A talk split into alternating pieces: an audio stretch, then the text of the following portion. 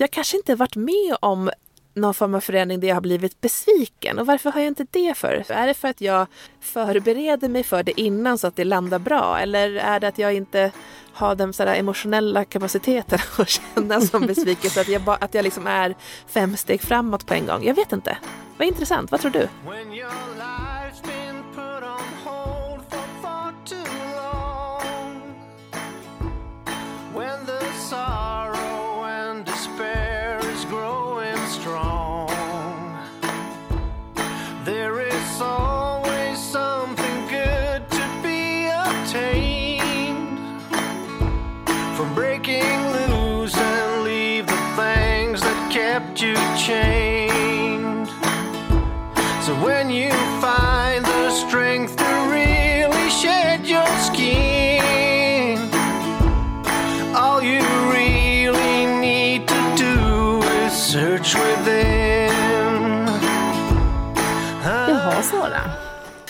Du eh, utskickade bilen idag, ser jag. Ja, ja, jag sitter här i min bil. Eh, snön faller runt omkring mig och inne i huset pågår ett snickringsprojekt. Det, det är ju ändå skönt då att du inte sitter inne. Det... Det blir så irriterande att lyssna på det här konstanta, ja. okonstanta eller så ojämna ljudet av skruvdragare och något som bangar och sådär. Så, så det, här, det här är för allas vår trevnad. Mm. Ja, det är något som eh, ska snickras i köket idag, eller? Ja, precis. Vi eh, renoverar ett skafferi. Eh, vi har ett gammalt hus som vi köpte för ungefär ett halvår sedan, eller ja, i somras, så snart det blir faktiskt ett år sedan. Och vi har gjort om köket ganska mycket. Och det här med skafferi är väldigt trevligt alltså. Älskar skafferi. Mm. Man får plats med så mycket. Och vi hade turen att ha två skafferier, varav ett har vi liksom ja, inte gjort så mycket med. Det får vara som det är, det är inte jättefint men det duger. Och det andra skafferiet ska vi ha som förvaring av du vet, så matberedare och så köksprylar ja, som man inte vet vad man ska göra av. Sånt ska ja, stå där inne. De tar upp space. Ja, verkligen. verkligen. I ett kök. Det hade inte Precis. jag räknat med när jag Nej. Nej, men det är ju det. Det är ju sådana där grejer som, eh, ja, men som kök egentligen inte har plats för och så ska det stå framme och det kan vara kul att ha så en snygg apparat framme. Men när det blir för många, som vi har, då blir det mest att så här, man, det blir ett pussel av saker. Man mm. stuvar och så ser allting jättestökigt ut hela tiden. Och så är det svårt att städa också. Mm. Och så tappar man så mycket ytor att laga mat mm. på. Precis. Ja, dagens värsta. Exakt, dagens värsta. Och det, kan inte det, du, det är världens bästa grej. Ja. Världens pers, bästa så perspektiv eh, insikt. Ja, den, den har du lärt mig. Eh, jag vet inte var du har fått den ifrån, men den har jag verkligen tagit med mig i livet. Mm. och det går ju ut på då att eh, om man säger någonting så här, ja men dagens värsta är att jag inte har plats för köksapparaterna. Mm. Eller att det blir stökigt. Och då mm. har man ändå ett ganska bra liv. Ja, man inser hur jävla bra det är, så kan man bli lite glad i själen av det. Att det var mm. inte värre än så. Nej, precis. Så att, ehm, så att vi, vi det, var, det är en bra dag idag. mm. Verkligen. Men du sitter också på en eh, ny plats, Katta. Eh, ja, jag, eh, jag... Det här är så roligt, för när jag byggde det här huset så tänkte jag att jag ska ha en kontorsyta uppe på... Det är inte ett loft, det är en halv övervåning kan man säga. Där jag har mitt sovrum. Och sen utanför det så är det som en balkong och jag bara, här ska jag sitta och jobba. Och så mm. sa min pappa så här, han bara, du kommer aldrig sitta där uppe. Jag bara, jo, det kommer jag visst göra. Så här, det, det kommer bli jättehärligt. Och sen eh, klipp till nu då, ett år och fyra månader efter inflytt. Och det här är faktiskt första gången jag sitter här och jobbar. eh, så ibland har de rätt, de här gamla papporna. Men, eh, men nu eftersom jag ska börja jobba hemma mer eh, snart, så så har jag tänkt så här, nej men jag måste, jag kan inte sitta i soffan eller vid köksbordet jämt för att man måste bara få känslan av att gå till jobbet lite. Mm. Jag tror att den är ganska viktig så att det inte bara blir så här, att det bara flyter ihop och blir ja. konstigt. Så nu ska jag faktiskt eh, styra upp här, eh, göra ett litet inredningsryck och mysa till det och börja jobba här. Hur är känslan då, nu när du sitter där? Ja, men det känns bra. Jag sitter liksom uppe och tittar ut över eh, vardagsrummet och eh, ut genom fönstren. Det finns liksom fönster i ögonhöjd på väggen som är i vardagsrummet. Så jag tittar på den här granen där som vajar i vinden och ja, ser sjön också. Så det, det känns bra. Det är en Bra vibe här faktiskt. Ja, men jag tänker det att, eh, för som sagt, det är ju en lada med ett halvt våningsplan ovanför ja, Mm. själva markytan. Liksom. Och just det att du har sån härlig översikt. Här. Det är ljust, det är inspirerande. Du kan liksom blicka ut över saker och ting och inte så Mm. att man sitter i en skrubb. För det kan vara lite jobbigt, det så här trångt, mörkt, ohärligt. Ja, och också att man ofta i ett kontor så har man liksom ehm, bordet mot vä- en vägg. Så att man sitter och tittar in i en vägg. Och det kan ju vara bekvämt på vissa, om man vill ha saker framför sig. Liksom. Men, eh, men det här finns skönt, för nu har jag, jag har ställt bordet så att det står mot, vad ska man säga, balkongräcket. Så att jag tittar ut över rummet. Liksom. Eh, kan också se ner på min disk, så att det gäller att diska ordentligt. Ja, exakt. Ja, det är inte härligt om man ser ut över något som är stökigt. Nej. Men vi har ju ett tema idag, Sara. Mm. Och egentligen är ju det temat för hela podden, men vi tänkte prata lite mer specifikt om, om det idag. Och det är förändring. Kan det vara ett favoritämne? Det kan vara det. Ja, i alla fall för oss. Förhoppningsvis Ja. för lyssnarna också. Jag tänker att man nog lyssnar på den här podden om man är lite nyfiken på att göra någon förändring eller är nyfiken, nyfiken på, att, på att göra ständiga förändringar och tycker att det är härligt. För att jag tror, eller när jag träffar personer och så, eller jobbar framförallt med personer. För när man jobbar med folk, då är det ju inte alltid att man har valt dem själv. T- Sina vänner, de har man ändå valt liksom. Och då, de kanske är ganska lika en själv, eh, mig själv till stor del. Men just mina kollegor, eh, där kan man ju verkligen märka så här, hur man känner inför förändring. Mm. Det kan ju vara att man älskar det eller att man känner sig otrygg och det är jättejobbigt och inte härligt. Ja, det, det är kul det där med kollegor, eller liksom andra sammanhang man kan hamna i där man inte väljer alla deltagare. Alltså, det är ju lite som en sån här du vet, slumpmässig lördagsgodispåse man kunde köpa. Det kanske går att göra fortfarande. Alltså, eller jag tror jag har sett det någonstans. Men där man inte vet innehållet, man bara man köper en Vem, påse.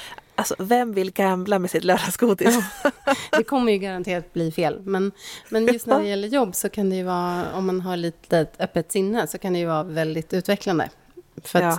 det, det är ju lite bromsande att bara umgås med likasinnade på ett sätt.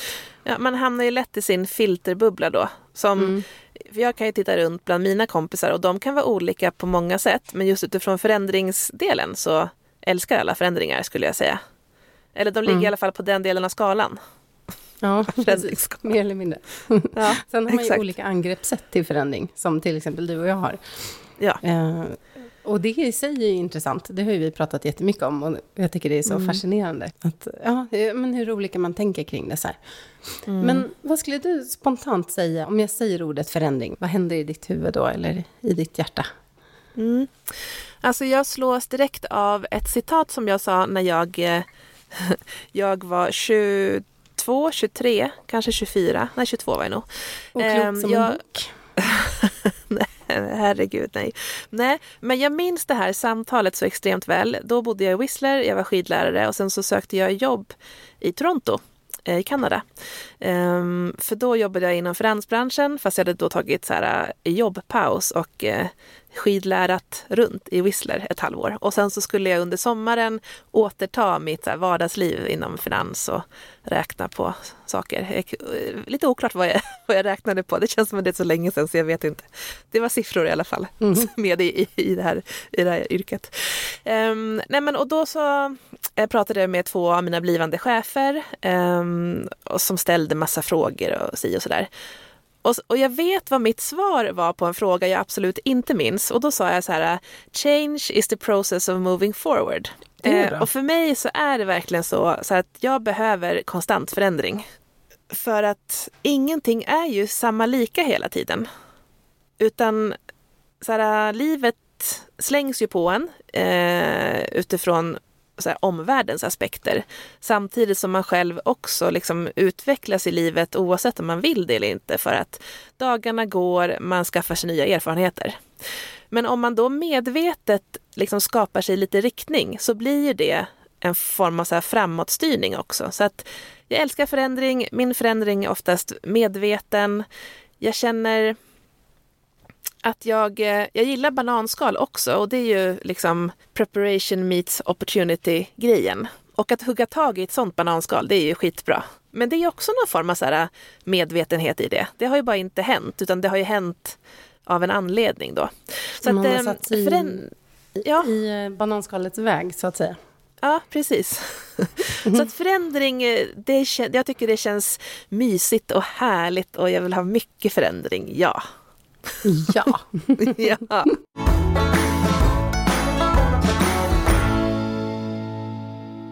Vad tänker du om liksom ofrivillig förändring då? Hur, ehm, hur brukar du hantera det? Alltså just det här när de här kanske lite större, jobbigare grejerna kastas på mm. en. Nej men alltså, jag, jag tror att jag eh, är en så här krass person och när jag tittar på till exempel så här relationsuppbrott eller ja, men annat som jag inte har valt så Ja men det är klart att just då och där så kan det vara lite så här opraktiskt ibland. Att så här, mm. jaha nu måste jag liksom anstränga mig för att lösa det här som har hänt. Det är ju, utifrån den aspekten kan det vara jobbigt. Men jag är ganska orädd utifrån det som blir av det. Du, alltså det här med att typ en, en plattform försvinner eller? Ja, ja, precis. Alltså om det inte är liksom, ja, men typ ett dödsfall, för det är ju det är en helt annan grej. Men jag tänker så här, ja, om Ja, men till exempel mitt tidigare jobb där jag var anställd som marknadschef. Eh, vi var så här on a roll liksom. Det gick så jävla bra och vi eh, gjorde om en verksamhet och liksom, ja men vi var så här, eh, vi hade någon form av mål och sen så ändrades förutsättningarna drastiskt för att eh, ja men så här, vdn slutade. Och då blev ju mitt drömjobb på pappret blev inte likadant. Så jag, jag, var ju fortfarande marknadschef men det var med helt andra premisser och andra mål. Och då blev inte det kul längre. Och då var det så här, nej men nu, nu var det här kapitlet slut. Så att, men jag känner liksom inte någon sorg över förändring. Så att jag har ju väldigt mycket så förändringsoptimism i mig. Så, och jag förstår ju att det kan låta jättekonstigt om, om man inte är i mitt huvud. och tycker att det är härligt. Så att, mm. ja, men, och till och med så här, ja, men, i min förra relation, då, vi var ju tillsammans i 12 år. Eh, mm. och jag kommer ihåg att jag vid något tillfälle, så här, två år innan det här hände, tänkte jag så här, ah, fan, vi måste nog antingen förlova oss eller göra slut. För att just så här, det blir inte speciellt kul. Liksom. Och vi, så här, det, vi utvecklas inte åt samma håll. Men då måste vi ta någon form av, så här, an, antingen liksom investera i att komma närmre och liksom få en samsyn på på oss liksom, och, och vår framtid eller så skiter vi i det bara. Mm.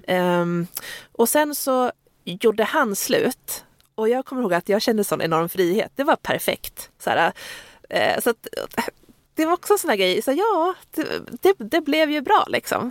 Mm. Um, och jag kanske inte varit med om någon form av förändring där jag har blivit besviken. Och varför har jag inte det för, ställer jag mig frågan nu. Är det för att jag eh, liksom förbereder mig för det innan så att det landar bra? Eller är det att jag inte har den sådär emotionella kapaciteten att känna som besvikelse, att jag, ba, att jag liksom är fem steg framåt på en gång? Jag vet inte. Vad intressant. Vad tror du? Jag tror att eh, det, det är en mix av att, att det liksom, du har haft tur med omständigheterna. Peppa, peppa, det har liksom inte hänt något allvarligt i din närmsta omgivning till exempel. Eller, men också att du, att du är liksom krass eller vad du kallar det. Alltså du har ju en eh, lösningsorienterad förhållningssätt mm. till förändring. Jag tror, du är inte personen som ältar så mycket. Nej, nej precis. Och det, jag, nej, och det gör mig ganska oempatisk tror jag. Nej, har, det tycker jag inte. Jo, men jag har svårt att förstå andra som ska elda. Då kan jag bara säga, ja men okej, okay, nu har vi tänkt på det här, nu går vi vidare. Men jag tänker också på det, för att um, för fem år sedan så um, opererade jag ryggen. Uh, och det jag försöker så ofta tänka på, så här, det, hela det året innan så kände jag ju av det här extremt mycket och jag kunde inte gå och sådär. Var jag olycklig då har jag tänkt så här, nej det var jag inte på ett, alltså inte så här olycklig i själen. Sen var det så här sjukt jobbigt och så här, om inte kunna stå upp, det gjorde ont. Eh, det var så här opraktiskt liksom. Men jag, hade, alltså jag har ju ändå någon form av så här optimistisk utsikt. Så att jag, jag känner alltid hopp inför mm. saker. Att så här, ja, men nu måste vi ju förändra det här då. Eh, och sen är det ju skitjobbigt att ringa och tjata på vården liksom, för det är ju också en, så här, ett heltidsjobb i sig, att så här, nå rätt person och följa upp och liksom vara så här, äh, detektiv själv i allting när man inte har svar på vad det är för någonting som man är, som man är drabbad av eller som man har. Liksom. Ja, det, där var det ju både ovisshet och smärta. Och ja. alltså, innan du, det, du gick ju ganska länge med det här. Ja, precis. Men nu i efterhand så minns jag inte att, att det var liksom en mörk period. Utan ja, det var jobbigt, men ähm, eller så är jag bara duktig på att förtränga. Nej. Nej, ja. alltså det framstod inte som så olycklig, men däremot så blev det ju en otrolig så här, explosion efteråt, när du blev bra. Ah, alltså, då var det, ju, det var ju också i samband med att du blev singel då. Ja. Så det var väl som en så dubbelförlösning. Att, oh, alltså, då ja. var det ju high on life. Och, liksom, och då kunde man ju verkligen se en skillnad från ett halvår mm. tidigare till ett halvår senare. Ja, och det är intressant för att i den skillnaden hur jag var innan, så här, lite mer lågmäld, hade kanske inte jättemycket energi, sprudlade inte så mycket. Medan efteråt, så här, du vet när liksom man känner livet, så här, alla möjligheter som finns som man vill ta tillvara på, eh, allt var spännande. Det är ju det är också två ex, liksom extremer av av nulägen där det senare är någonting jag verkligen vill hålla kvar vid. Att vara så nyfiken på människor, nyfiken på möjligheter, världen. Att inte mm. vara stängd. För stängd kan man ju vara även när man inte har ont i ryggen. Man känner sig lite låg på energi, man kanske vet, man, man är i samma vanor. Ja, man åker till jobbet, jobbar, åker hem. Så här, det är lite mm. samma mönster. Och man ehm. liksom avböjer eller undviker allt för mycket nya situationer eller ja. spontana besök eller vad det nu kan vara. För sådana ja. perioder har jag haft, verkligen. Ja, um. precis. Och ute, alltså, liksom en lärdom utifrån hela den upplevelsen är ju att så här, jag måste utsätta mig för obekväma saker ofta, det vill säga mycket förändring. För att det, i, det är i de här förändringssituationerna som det där oväntade och pirret och allt kan hända. Mm. Att det är liksom just som att köpa en påse godis som man inte vet vad det är och det kanske finns något jättegott som man aldrig har tänkt på förut. Alltså lite grann den grejen. Att tänk vad man kan upptäcka saker. Ja, och så det, kanske det, det här kanske såna... ska bli en liten lördagsutmaning. Ja, eh, också som, som en follow-up på det så har jag så utifrån det här året 2022 jag har liksom tänkt att jag vill träffa fler personer i år som jag inte känner sen förut. Så att verkligen säga ja till de här sammanhangen som det är lite lätt att säga nej till för att så här, då måste man anstränga sig och prata med nya människor. Och på något sätt så känns det jobbigt ibland för att, jag vet inte, effort krävs. Mm. Um, och att liksom därför säga ja till alla sådana möjligheter. Och det är så kul du vet, att träffa personer man inte känner och så ställa massa frågor och bara få andras infallsvinklar på grejer. Det är jättespännande. Mm. Ja, men det är det verkligen. Oavsett om det är alltså en person man känner så här, Åh, dig kan jag fortsätta träffa, eller dig vill jag nog aldrig träffa igen, ja. Så, ja. så är det liksom någonting som ja. ger något. Ja. Och just vara liksom öppen för samtalen och så här, få, om jag ställer en fråga, att liksom ta in svaret och inte döma svaret utan så här, jaha, den här personen svarade så här och liksom på riktigt gå in i det och förstå det. Ja, men där, mm. där är jag lite mer, jag är mer av den ältande typen och eh, väldigt nostalgiskt lagd, eller så sentimental. Ja. Mm. Så att jag älskar ju förändring, men jag älskar ju inte uppbrott, eh, alltså som har med, ja men framförallt relationer att göra, eller vad man ska säga. Nej. Men jag kan också bli så här, åh, det här jobbet och kollegorna har varit så roligt och liksom, och så blir jag så här, ja. ska, ska jag verkligen? Och sådär, att jag kan verkligen gå in i det. Ja. Men jag tror, alltså det, och det är ett annat tillvägagångssätt om man jämför med dig. Mm. Eh, men det, jag tror att det ger väl något på sitt sätt också. För att när jag väl fattar ett beslut, då är det verkligen genomtänkt. Eller, så här, eller bara nu, nu behöver jag göra det. Men jag har ju verkligen då jobbat igenom det länge. Det är på ett sätt, det är konstigt, det är som någon så ständig inre konflikt i mig. Att liksom, jag, kan ju, jag vill ju dokumentera saker för att jag tycker att det det har jag alltid haft sedan jag var liten. Att jag kunde skriva i min dagbok så här, nu är klockan 23, 10, 15 och eh, det snöar ute. Eller liksom att jag verkligen så här skulle måla upp hela bilden. Och jag vet inte varför, det är bara något drag sådär. Men Ja. det här ska jag inte glömma. Men, men det finns samtidigt den här som hela tiden vill liksom, till något nytt eller framåt eller att det ska hända saker. För att jag märker så fort jag hamnar i den här, i en alltför likriktad rutin över tid, så då börjar det ju klia. Liksom. Mm. Men hur, eh, hur handskas du med den konflikten då att du längtar efter förändring men att det är så svårt med uppbrotten? Um, ja, men jag ältar ett tag. Nej, sen så har jag ju liksom lärt mig att... Om man säger, säger att det första jobbet till exempel, där man hade kollegor och hade jätteroligt och skulle sluta, det kändes ju otroligt mycket större att sluta på än, än vad det gör liksom nu när man har gjort det några gånger. För man vet att så här, kollegor kan man ha kontakt med, man hamnar på ett nytt ställe. Alltså det, det är inte the end of the world. Liksom. Nej, men så det är ju en, eh, liksom att man bygger erfarenhet och vet att när jag gör rum för något nytt så, så blir det oftast väldigt bra. Att liksom, det händer någonting nytt, jag lär mig någonting nytt, jag utvecklas. Så det är värt det. Eh, för att alternativet att, att bara vara kvar, för som du säger, allting förändras ju. Så att man, det går inte att hålla kvar någonting som är Nej. riktigt bra. Jag tror inte det. För att det kommer, det kommer förändras, eller, det, eller så blir det liksom rutin och vardag och inte lika härligt. Liksom. Så, att, så man får mer så här värdesätta dem. Alltså man sparar dem på en liten härlig plats i hjärtat. Och så här, fan vad fint att jag fick uppleva det. Och nu ska jag få uppleva nya saker. Så jag tror det är liksom den insikten som har gjort att jag har blivit bättre på det där. Jag kommer att tänka på en sak angående kollegor, för jag har också slutat några jobb och framförallt så har jag på de här jobben, ja men du vet, just det här med kollegorna, man hänger så många timmar varje dag. Det blir ju oändligt många timmar per vecka och det blir ju ändå faktiskt fler timmar per vecka än vad man hänger med sin partner eller andra vänner ibland. Och då, jag känner igen den här känslan av att man är så otroligt så här, tajt med sina kollegor och så tänker man så här, åh vi måste ses hela tiden och vi ska höras och du vet så här, att man, man, eh, man har verkligen en önskan om att så här, fortsätta relationen. Och sen så när man har slutat jobbet eller de andra slutat eller vad det nu kan vara så hörs man lite grann till en början men sen så klingar det av ganska snabbt.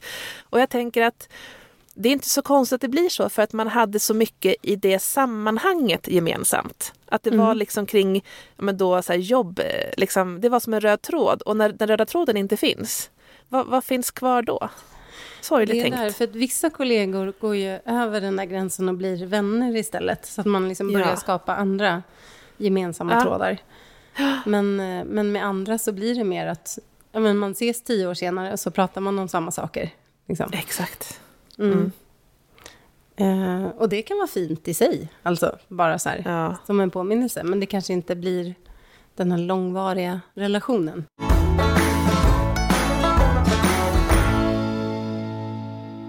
Men du, när du säger att du ältar då eh, ett beslut, vad är det som pågår i din hjärna då? Så kan du ta oss igenom ett, en ältande process? Liksom, så här, listar du för och nackdelar eller så här, går du och, och, är det något som gnager? Eller liksom vad? Vilka tankar? Vad är ältande? tidigare i livet, den skulle jag säga, den är inte så aktuell nu. Men det här med att tänk om jag gör fel och det blir jättedåligt. För det, det, liksom, det har jag släppt. Det kanske inte blir precis som jag hade tänkt, eller, men det blir någonting annat. Och det kommer lösa sig. Eh, Men det kunde ju vara då att jag ville ha facit liksom, innan. Jag ville tänka mig fram till facit. Och det går ju liksom inte. För att Nej. Eh, Det har vi pratat om förut, att det, när du väl tar ett steg eller fattar ett beslut, då börjar det hända andra saker som påverkar det här facit. Och det hade du ingen aning om när du satt och grubblade på kammaren, och det kan du inte förutse. Liksom. Så det, det går ju liksom inte. Ja, men det kan vara mycket sådär, väga för och emot och bara eh, att det är jobbigt med själva konfrontationen på något sätt. Att skjuta det framför sig lite är det nog också kan det vara.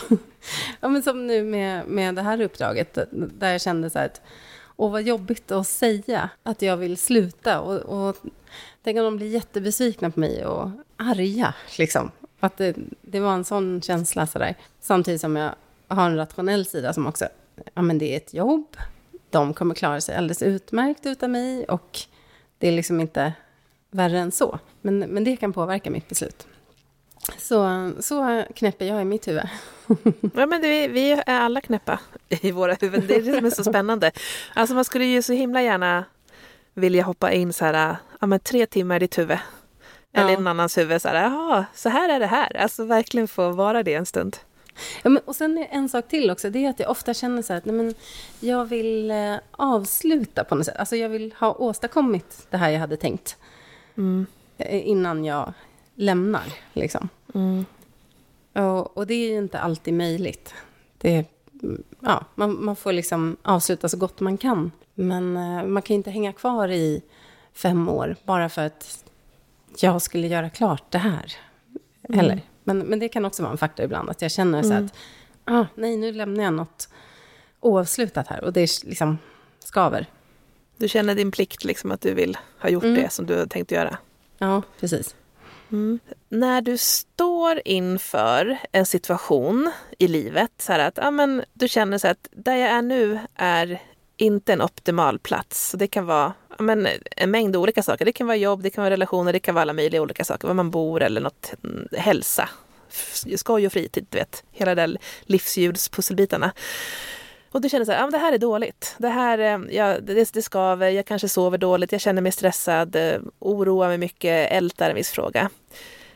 Hur gör du då för att komma fram till förändring? För det är en fråga jag ofta får. Så här, hur gör man då? Hur Mm. gör du? Jag pratar jättemycket med vänner, som dig till exempel. Och eh, mina barndomskompisar, för de har ju också en, en bild av hur jag brukar gå tillväga. så att, eh, ja, prata med andra och så här.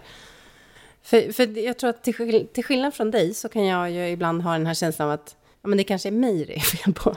Typ. Alltså, är, är det rimligt att jag känner så här? Eller då behöver jag ibland så här verifiera det. Mm. Att här, ja, men det. är kanske bara jag som överanalyserar eller jag, ja, vad det nu kan vara. Sen försöker jag väl, alltså jag tror jag aktivt börjar, eller mm, både aktivt och undermedvetet så börjar jag ju söka inspiration, någon känsla för, för det handlar ju också om att veta vad man vill göra istället. Mm. Alltså, det är inte alltid det är självklart. Utan då, då är det mycket så här, ja, bara öppna sinnet. Ja, men vad skulle alternativet kunna vara? Och sen gå till det här som vi alltid återkommer till. Vad mår jag bra av? Vad tycker jag är kul? När blomstrar jag? Liksom.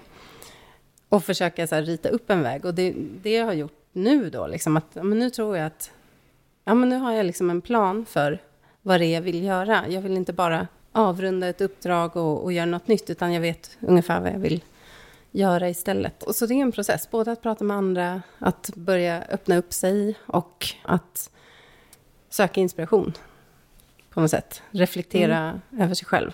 Och i det här fallet, alltså nu i, i vintras när jag kände så att, jag att jag faktiskt tog hjälp av en coach för att sortera lite. Alltså mer uppstyrt och professionellt sådär. Och det har varit jättebra. Jag tror också att... Nej, men, eh, ja, men det du sa nu med det här med coachen, att man måste... Gör, här, om man vill att någonting ska bli annorlunda i ens liv så måste man ju göra någonting annorlunda. Och att ta in en coach, det är ju verkligen en, en action point. Alltså verkligen göra någonting på ett annat sätt. För att få hjälp med att tänka på ett annat sätt också. För att leda sig själv, det är ju det svåraste som finns i, ja, men så här, i sin här, fysiska hälsa till exempel. Att vara sin e- egna chef där, det är ju jätteutmanande och det är ju utmanande i alla andra liksom, eh, aspekter också. Ehm, jag, eh, alltså jag är en person som tycker om kontroll väldigt mycket. Eh, jag tycker, jag vet inte, eh, ja, men det, när, när jag känner att jag har en plan för någonting så känner jag mig trygg i någon form av så oviss framtid. Och för mig så handlar en sån kontroll eller plan om att faktiskt skriva planen. Ehm, så det är mycket liksom att eh, Mm, att göra på pränt. listor. Ja, exakt. Det är därför jag älskar att ha min så här, analoga kalender. För då kan jag titta på veckorna och, och så här, alltså på riktigt titta så här måndag, onsdag och så här, se vad jag har skrivit upp. Det ska, är det någon som fyller år? Ska jag göra någonting? Och så känner jag mig trygg för att jag har koll på vad som händer i Mm. framtiden. Ute i, i, I min värld då. Eh, så att det, när jag eh, vill göra någon form av förändring så ja, det är mycket så här handlingsplaner, alltså på riktigt skriva saker. Eh, så här lista för dag för dag, ringa den här personen, då skriver jag ner det bara för att det känns viktigt att så här, ha, ha någonting i handen utifrån det. Eh, jag pratar nog inte speciellt mycket med kompisar. Utan allting samlas liksom inuti mig och sen så har jag min, mitt verktyg, min anteckningsbok i handen. Väldigt Ja, mycket intressant. så. Mm. Ja. Ehm, Men ja. när, när du pratar med andra, är det när du redan har liksom alternativ eller en början till en plan? För att i- vi, vi pratar ju ibland om så här, eller typ Mm. Förra året då när du hade liksom tre olika uppdrag, då vet jag att vi pratade lite så du bara, "Åh, vad, hur ska jag tänka, eller liksom, Ja. vilket Ja, av de här ska jag precis. ta? Är det... Ehm, ja, alltså jag har blivit mycket bättre på att prata med andra. Eh, och det är någonting som jag försöker jobba med också. Att så här, öppna upp för andras liksom, ehm, åsikter. Och jag vet, jag frågar ju dig ibland så här, ja men, för att jag kan älska att få så här, lite konstruktiv kritik. Så här, att, att få någonting att jobba på. Och det är verkligen något, något jag har hem, hemifrån. För att det, är alltid så här, det finns så mycket utvecklingspotential i allt. Så att allting är som ett kvartssamtal. Så, här, att, så de här två sakerna är bra, men vi skulle kunna bli bättre på det här. Liksom. Och det kan vara utifrån så här, julbordet. Så här, ah, men det var jättebra att vi hade mycket frukt och grönt i år och det här var fint. Men ska vi göra så här till nästa år? Alltså vi, vi har sånt i allt. Och jag, jag märker det nu så att jag bär med mig. Och även i liksom relationer så skulle jag älska att ha det så här att Sara, du är en jättebra vän för det här och det här, men jag känner, du, ibland så blir jag lite ledsen när du säger de här sakerna. Det, Ja. ja. Ja. Men, eh, men du och jag pratar ju mycket och ehm, jag tror att jag eh, pratar när jag har någon form av så här, konkret frågeställning. Mm. Eller så här, en specifik fråga jag vill ha svar på. Så, Ja, men här, det stämmer nog. mm. Mm. så det, är- det är sällan Medan så jag är här, mer så här, här. Ja, du kastar ut det fritt, precis. Ja. Det, är, det är så spännande att man är olika på det. Ja, väldigt spännande. Ja, mm, mycket planerande. Och mycket... ehm, alltså jag, jag skriver ju också dagbok är fel ord, men någon form av liksom inventering av tankar. Eh, och det gör jag för att förstå sammanhang. Och ja, men en sån här grej som jag gjorde för några år sedan, som faktiskt var ganska bra, det var att under en månads tid så skulle jag avsluta varje dag med att skriva ett ord som jag tyckte sammanfattade dagen. Det kan vara så här energi, ledsamhet, eh, stress, alltså något form av så ord som bara så här, ram, ramade in den övergripande känslan på dagen. Och när jag då efter en månad kunde se alla orden så, så, kan, så kunde jag också se lite så här mönster. Så att, amen, nu har det varit så här 30 ord som inte är så positiva. Eller så här, oj, nu har det varit jättemycket som har varit jätte så här, eh, mycket så här actionord eller verb till exempel. Så att allting står ju för något på ett sätt när, när man liksom tänker på det. Och det har jag gjort just för att här, göra en incheckning av hur det känns just nu. Så här, för att jag tror att vi är väldigt få som, som är liksom medvetet lyckliga alltid. Men sen så kan vi nog vara ganska tillfreds fast vi inte fattar det själva till exempel. För att vi är så vana vid så här att, du vet när man träffar folk så är det så här, nej det är mycket nu, sä- säger alla. Fast det inte är så, vi bara fastnat i det svaret. Och jag tänker att, eh, ja men att så verkligen förstå så här, hur, hur man mår i det. Nu, nu kände jag att jag kom på en liten omväg i något jag skulle säga. Men det var bara en liten parentes där. Ett bra, Ja, nej, bra tips. intressant. Och det där med tracking, det är ju himla bra. Alltså jag, ja, jag lockas jättemycket av det, men jag har svårt att få till den vanan. Mm. Jag, jag köper en kalender varenda säsong. Ja, det gör Och faktiskt. så börjar jag skriva i den och sen slutar Ja. jag skriva i den. Men det kanske inte är något för dig då? Ja, fast jag tycker om det väldigt mycket. Och jag vet ju att jag, för mig funkar det också väldigt bra att skriva ner saker. Och att den, Ja. som du pratade om, den här visuella bilden av veckan. Jag får inte det av en digital kalender på samma sätt. Nej. Jättejobbigt. Utan det, liksom, handskrivet är bättre. Jag tänker, jag ska inte ge upp. Jag, tänker, fortsätter. Ja, men jag, jag tycker att du ska ge upp om det inte liksom ger dig någonting. Då spelar det ingen roll. Men om, om du finner någon form av... Om du finner tillfredsställelse i att göra så, då ska du behålla den rutinen. Om det Och, får min själ att sjunga. ja, men exakt. Ja, Jag Eh, tror att det ja. skulle vara bra för mig.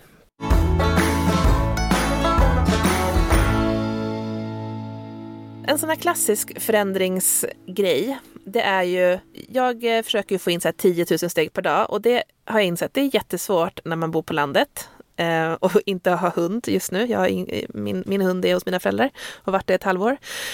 För att man går så jävla lite här. Man kan liksom, alltså jag, jag, jag är ju aktiv för att jag så här, går och tränar. Men jag, det är ju inga steg jag gör. Jag sitter på så en, en cykel och kör så dödsintervaller. Men jag får ju noll steg av det. Det är så otacksamt. Mm. Och sen så lyfter jag tungt, noll steg. Jag så här benböj och pressar allt vad det är. Noll steg.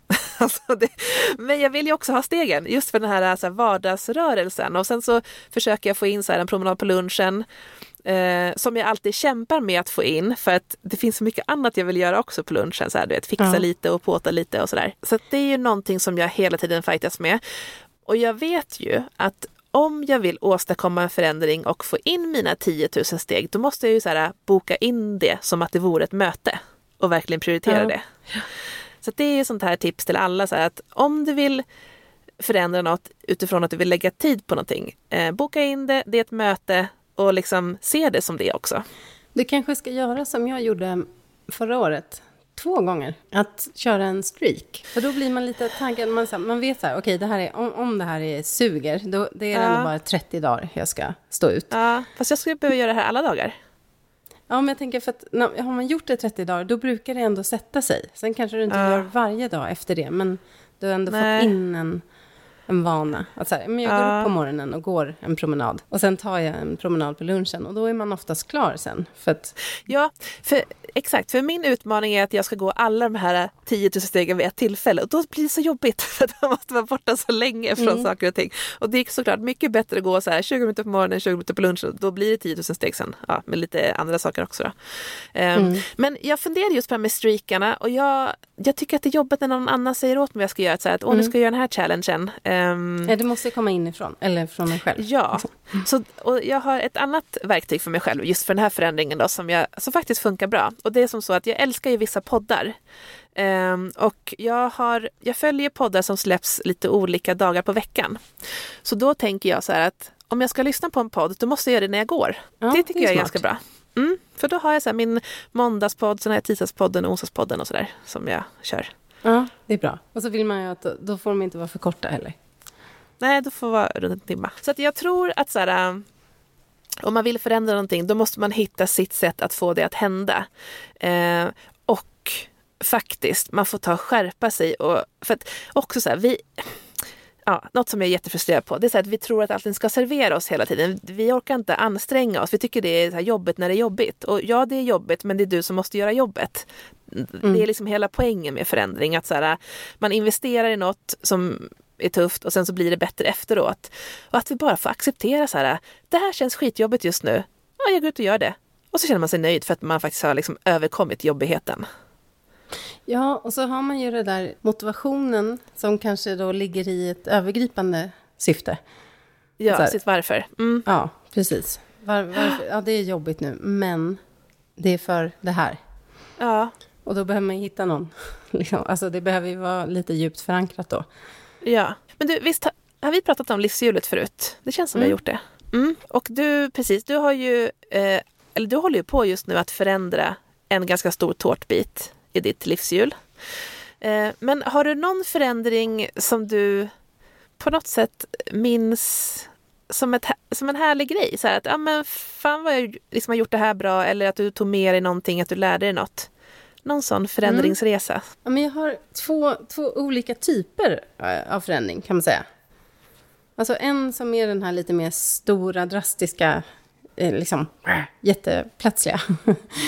Eh, Eller plötslig var den inte, men det- var en stor förändring. Och det var ju när jag, eh, jag fick så här panikkänsla av att vara låst. Jag var på en resa och sen så träffade jag några backpackers på en så här paradisö. Och de var så här, ja men det var så härligt här så vi valde att stanna kvar lite extra. Så nu har vi varit här en månad och ska vi vara här några veckor till. Och, liksom. och jag var ju så här, ja jag måste, jag ska ju hem och jag ska hem och jobba och jag hade bara två veckors semester. Och, och fick så här, Åh, jag vill inte sitta fast. och så, eh, så då kom jag hem och sen så mm, sa jag upp mig, hyrde ut lägenheten och reste i fem månader. Och det var ju så här, ja, många omkring mig tänkte så här, men gud, säger du upp dig från, för då hade det varit ett ganska bra jobb, liksom, eh, fast jobb, och jag hade ju miljonlån och sådär. Men, eh, ja, men jag gjorde det i alla fall. Eh, och så det byggde ju liksom ett självförtroende i den här känslan att så här, ja men det gick. Eh, jag klarade mm. av det. Eh, och det löste sig när jag kom hem. Alltså det, det var liksom den första så här, ganska stora grejen jag gjorde. Men, och så lärde det mig också att jag satt inte fast så mycket som jag trodde, utan det gick ganska enkelt att Alltså, jag hyrde ut lägenheten, då helt plötsligt hade jag inte kostnaden för den. Så det är lite som när man kör fast med skoter. Ja. Man sitter inte så fast som man tror, man kan gasa sig ur. Ja. Eh, så det var väl liksom en bra, det, det byggde liksom en självkänsla och en, jo men det går om man vill. Så det var bra. Men sen så har jag också gjort så lite mer gradvisa odramatiska förändringar. För i det där första fallet, då handlade det mycket om att verkligen förbereda och så här, okej, okay, eh, jag måste få styr på alla, alla stora puckar och ha en plan för när jag kommer hem, för jag måste ju försörja mig när jag kommer hem. Men sen kan det handla mer om det här, de små förändringarna, just när man kanske pratar om de här hälsoförändringar och den typen av, att lägga små pusselbitar i taget liksom. Mm. Uh, och det är väl lite det jag har gjort, det här är att, att lägga om mitt liv bit för bit. För det var inte så att jag sa upp mig från en dag till en annan och förändrade allt, utan det var så gradvis. Jag började med att, äh, att jobba lite på distans, men och sen så blev jag egen. Och då, då hade jag ändå förberett mig mycket för det under mm. några års tid. Eh, samla på mig kunskap och allt det där. Eh, inspiration, bara vänja sig med tanken. Och sen dök chansen upp, så det var en lite sån där opportunity meets preparation. Sen bodde jag fortfarande kvar i stan och kände att så här, nej, jag trivs inte så bra med det. Så började vi började ju bygga det här i Särna då. Jag kände att åh, jag vill vara mycket mer i naturen.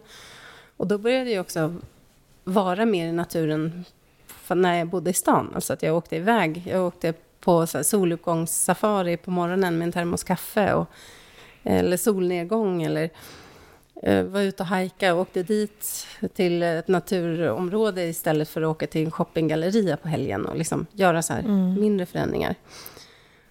Och sen, ja men sen någonting lite varje dag. Det adderar ju mycket med tiden. Mm. Och att ta ett steg och ett steg till och förbereda sig och sådär. Så att, och det, till slut så, liksom, så hamnade jag här i Särna med mycket mer frihet och mycket mer natur. Och alltså som var det jag ville uppnå. Men det hade varit ganska svårt att gå från en dag till en annan på det. Utan det, det krävde sina förberedelser mm. och mikrosteg. Liksom. Jag tycker att det du säger är så väldigt bra insikt ehm, och verkligen någonting att ta med sig till dig som lyssnar eh, och känner att du kanske vill göra en förändring. Just att titta tillbaka på ditt liv. Så här, när har saker och ting ändrat på sig och vad har du gjort då egentligen? Och ta med det till det du vill göra framöver. Mm. Just det här att men, ta ett steg i taget, att, att uttala det man vill ha mer av. Till exempel om, om det var liksom solnedgångar och liksom frihetskänsla. Um, och så här, hur, hur man kan göra det på, på små sätt, eller med små steg. Och där tycker jag att dina liksom soluppgångsmånar är ett sånt tydligt exempel på, för jag kommer så väl ihåg det när du bodde i Norrköping, eh, du bodde i stan, och men typ alla bor ju i stan liksom. Och, Eh, men att det här är också möjligt för så många. Så att ah, jag vill ha mer känsla av natur i livet. Ja, men att göra sådana här små saker. Eh, och du hade ju de månaderna och jag hade ju eh, ungefär samma sak fast helt annorlunda för att jag gjorde ofta utflykter och sprang. Och jag kallade mm. det för så lyxlöpning.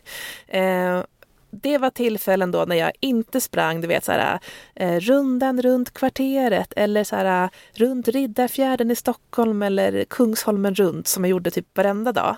Utan jag faktiskt åkte till ja, men så här, Lidingö och sprang något motionsspår där och, eller Tyresta nationalpark och sprang någonting där. Att faktiskt göra efforten att komma ut för att få det jag vill ha mer av i livet, liksom, fast på ett annat sätt än, det, än, än att springa fjäll. För det går ju inte att göra det hela tiden. Liksom. Nej. Eh, men det blir liksom en utforskardel i det också, som är väldigt ja, härlig. Att man precis. åh, oh, jag är ute på ett litet äventyr här. Här har jag inte ja. sprungit förut. ja, exakt. Och jag tänker på din syster också, som när ni startade den här podden så ville ju hon så här, ja, men, bo på en gård, ha massa djur. Men de de engagerar sig väldigt mycket i en 4H-gård och Ja, hon började ju med hade, det. de hade så här helgtjänst och sånt när man Mm. ska utfodra djur. Så det var ju jättemöjligt Ja. att få den här känslan. Ja, och nu är hon medryttare, så hon är i stallet två dagar i veckan istället och Ja. får den liksom, dosen. Och så skaffade Ja. hon hund. Ja, Så blev det ganska bra. liksom. ja men precis. Och att här, en förändring då behöver ju inte vara så här att om man ska bli självförsörjande och bo på en gård på landet långt bort från saker och ting. Utan att så här, plocka in elementen från det. Men vad är det i den drömmen som, som du längtar efter? Är det liksom att vakna upp med en katt på, på fötterna till exempel och att det känns lugnt och härligt? Ja, men går det att få till det på andra sätt än att flytta ut? Eller liksom att köpa äggen från en, en bondgård eller liksom i en sån här kasse hem från en köttlåda till exempel från- från en gård. Ja, men då får man kanske samma känsla där också. Ja, in tune with verkligen slå ett slag för de där mikroförändringarna. En hyllningsvisa till de små stegen. Vad har du för... eh, Har du några eh, förändringar vi minns, Sara? Ja, men så många och det känns som att jag pratar om dem hela tiden. Men just det här när jag flyttade från Stockholm eh, ut upp till Åre. Det som var den stora eh, liksom tröskeln i det och som jag vet att många efter mig också har liksom fastnat vid. Det är ju så här att ja, men jag hade ett, ett ganska välbetalt jobb i Stockholm. Så här, eh, klättrade uppåt på stegen eh, och, och med det så är det en rätt bra lön. Men när man flyttar ut från storstan så sänks ju lönen något rejält. Liksom. Och det är eh, det jobbigaste tror jag, i, liksom i den flytten från stad till land. Och det här var ju ja, men nästan tio år sedan och nu har det ju hänt mycket så att man kan ju ofta behålla samma arbetsgivare eftersom vi är så mycket mer vana att jobba på distans. Men då var det så att man var tvungen att byta arbetsgivare eh, och då bytte jag till en arbetsgivare i Åre kommun. Det är ju en glesbygdskommun även om själva Åre by uppfattas som något helt annat. Och i och med det så sänkte jag lönen med typ 15 000 i månaden. Och det som jag tog fasta på då, som en annan person sa till mig som hade flyttat innan, det var så här, Sara, innan du flyttar kommer du tänka på den här lönen svin mycket. Efter du har flyttat kommer inte du tänka på det alls. För du kommer få så många andra värden och det stämmer så väl. Att visst, jag har minskat i lön och det är jättesynd för min pension och SGI och allt vad det är. Men jag har vunnit så mycket annat att jag inte ens tänker på den där löneskillnaden längre. Nej, det kan vara Eh. ett bra medskick. Ja, faktiskt. Eh, så att, eh, ja, men det är väl en jättestor förändring. Och sen så, ja, precis som, som du säger så är det mycket små förändringar hela tiden. Och jag tänkte på, men även i höstas, du vet så här, alla hade jobbat hemma länge och sen så eh, ja, men så här, kändes det nog ganska så här, eller jag kände mig så här lite dassig och grå och tråkig. Just för att jag inte hade fått så mycket inspiration från andra människor.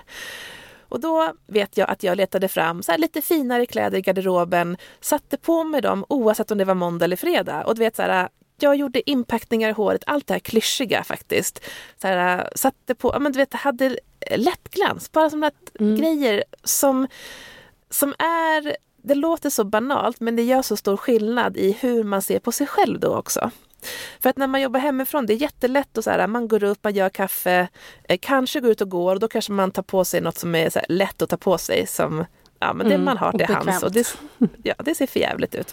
Men, men man går ut och går en sväng, kommer in, börjar jobba och klockan två så sitter man i någon form av så här halvpyjamas.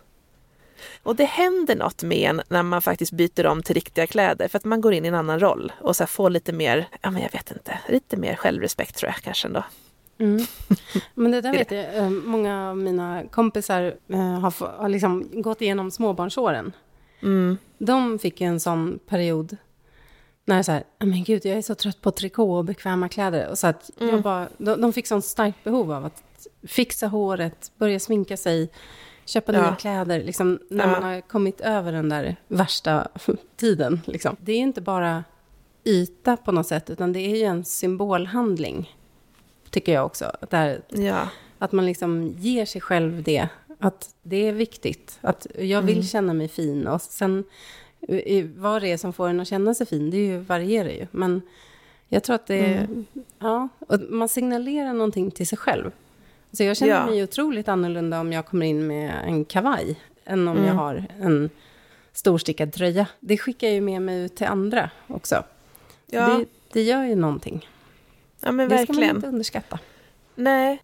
Och sen i det här, jag och eh, min kollega Therese, vi har ju något som heter Seasons of You som är så här, eh, men det handlar om förändring, det är som ett digitalt program. Och det jag tänker på i samband med det eh, och när jag får så här mycket frågor om men hur ska man göra då om man vill förändra?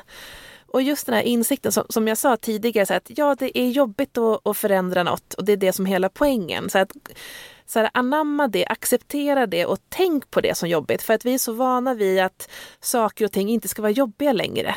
Mm. Det, vi blir liksom kränkta för, för minsta lilla numera. Vi ger upp mycket lättare.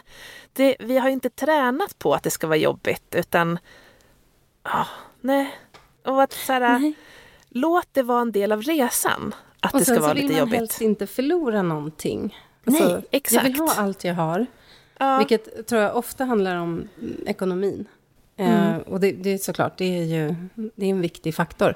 Men det är också, jag tycker ändå det är bekvämt med, eller på det här jobbet så vet jag precis vad jag ska göra och det är läskigt att börja på ett nytt jobb. Och liksom. Ja. alltså, utan det, det innebär alltid en viss uppoffring att göra en förändring. Men förmodligen så Precis. är belöningen större. Och det kommer liksom, precis som med löneskillnaden när du flyttar till Åre, Mm. så kommer du förmodligen inte tänka så mycket på det där du uppoffrade. När Nej. du väl har gjort förändringen. Ja, exakt. Så ja, men dels här, räkna med jobbigheten och förvänta dig den och låt den bli sen en del av liksom, spänningen i det hela också. Men också så att förbereda sin närmsta omgivning på sin förändring. Om det nu är så här, en hälsoförändring, ja, men låt folk veta det. Så att de kan liksom vara till hjälp för dig. Eller om det är en förändring utifrån ja, men livsstil, yrke, partner. Att på något sätt göra de förberedelserna för det också. Mm. Kanske prata med vänner så, så som du gör till exempel. Ehm, eller gör utrymme i kalendern för det genom att ehm, så här, lära sig ny kunskap om ett visst ämne. Eller gör en väl genomarbetad handlingsplan. Ja, Som för det här gör. är ju ett projekt. Ja. För, förändring är ett projekt och nu när vi pratar om det så inser jag ju så här att åh, jag ska låta våren eh, jag ska verkligen låta det vara jobbigt och ja, men 10 000 steg är liksom planen att få in det.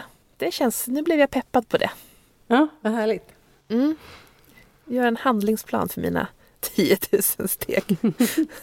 Ja, det kan ju faktiskt vara en bra idé.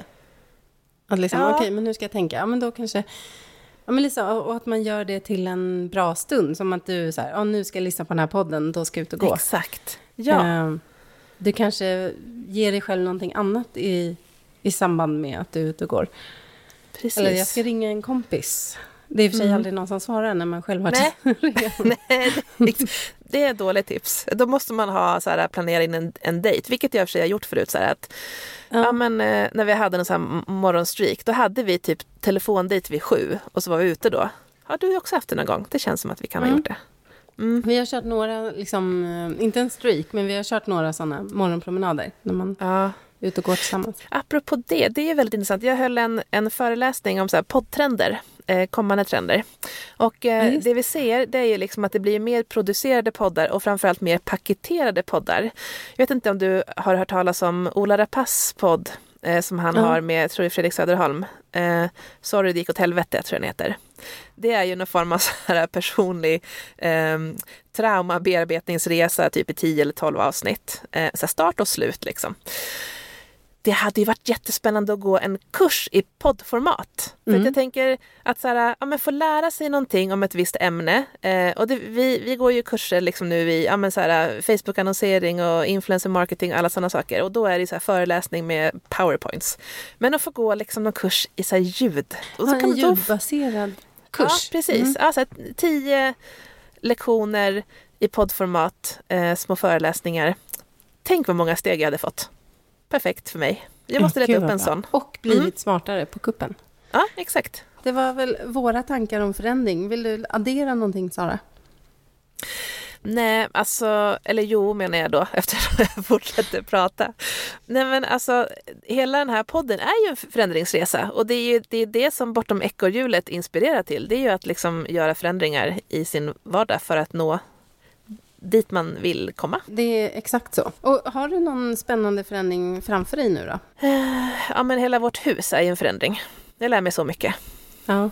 Mm. Ja, gud, du började snickra och allt Ja. möjligt. Sen har det blivit inredningsguru också.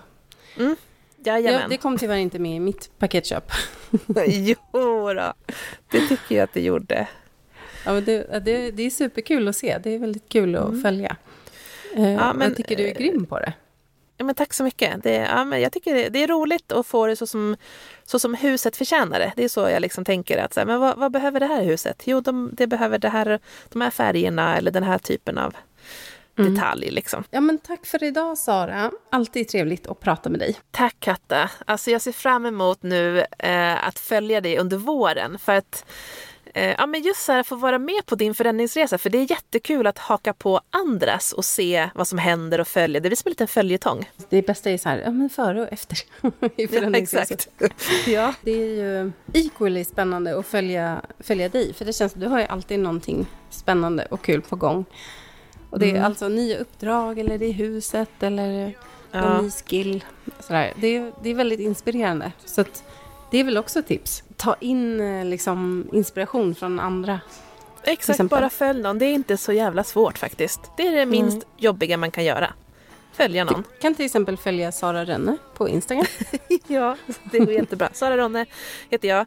Och om man vill följa dig Katta så heter du at Bucket Life bucketlife SC. Då syns vi där på Instagram. Ja, och så kan ni ju följa Bortom ekorrhjulet också. Och fortsätt gärna diskussionen där. Tar du med dig något från avsnittet? Har du någon spännande förändring på gång? Eller sitter du och funderar på hur fasen du ska göra? Shoot us a message, en kommentar eller DM. Så Ja. pratar vi om det. ja, både tankar och frågor är välkomna. Jajamän. Men då återstår inget mer än att tacka Sven Karlsson och Epidemic Sound för musiken. Så hörs vi igen om två veckor. Det gör vi. Ha det bra. Hej då! Hej!